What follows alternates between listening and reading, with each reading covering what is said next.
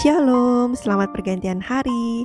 Marilah kita memulai hari yang baru ini dengan merenungkan firman Tuhan. Renungan kita pada petang hari ini ingin saya beri judul Kasih yang Tidak Pernah Berubah.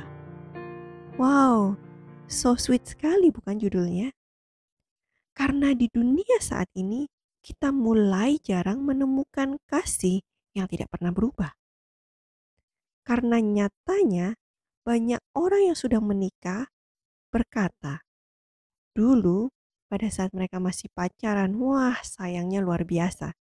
Tapi setelah menikah, setahun, dua tahun, tiga tahun, dan seterusnya, kasih itu mulai menghilang. Mereka bercerita jika dulu kena luka, wah pasangannya akan langsung, wah kenapa? Sini saya obati. Saat sudah menikah, jika kena luka, Aduh, makanya hati-hati. Berubah bukan? Begitu juga saat dulu masih pacaran. Mau makan apa sayang? Wah, akan dibuatkan makanan, akan dibelikan makanannya. Apa pun yang kita mau dibelikan. Tetapi saat sudah menikah, yang pingin makan ini, udah masak sendiri, beli sendiri, sudah mulai berubah.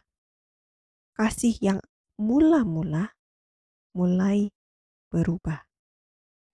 Itulah sebabnya begitu banyak perceraian yang terjadi saat ini.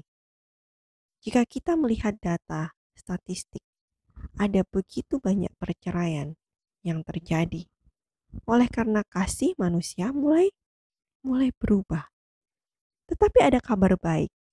Ada sebuah kasih yang tidak akan pernah berubah. Saya ingin membaca dari kutipan dari The Ministry of Healing, halaman 72 paragraf yang ketiga. Di sana dikatakan, kasih manusia dapat berubah, tetapi kasih Kristus tidak berubah. Luar biasa ya, kutipan ini. Kasih manusia memang dapat berubah, tetapi kasih Kristus tidak tidak berubah. Itulah sebabnya di dalam Mazmur 117 ayat yang kedua dikatakan, Sebab kasihnya hebat atas kita dan kesetiaan Tuhan untuk selama-lamanya. Haleluya.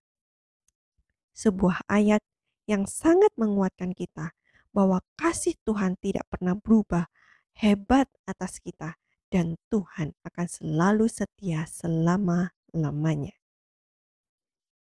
Kiranya renungan pada petang hari ini boleh mengajarkan kita untuk kita memiliki kasih yang sama seperti Kristus, yaitu kasih yang tidak pernah berubah. Kepada siapa? Kepada orang tua kita, kepada pasangan kita, kepada orang-orang yang ada di sekitar kita.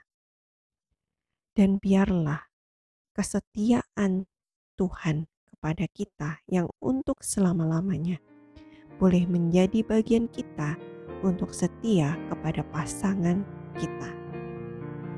Selamat pergantian hari dan Tuhan memberkati kita semua.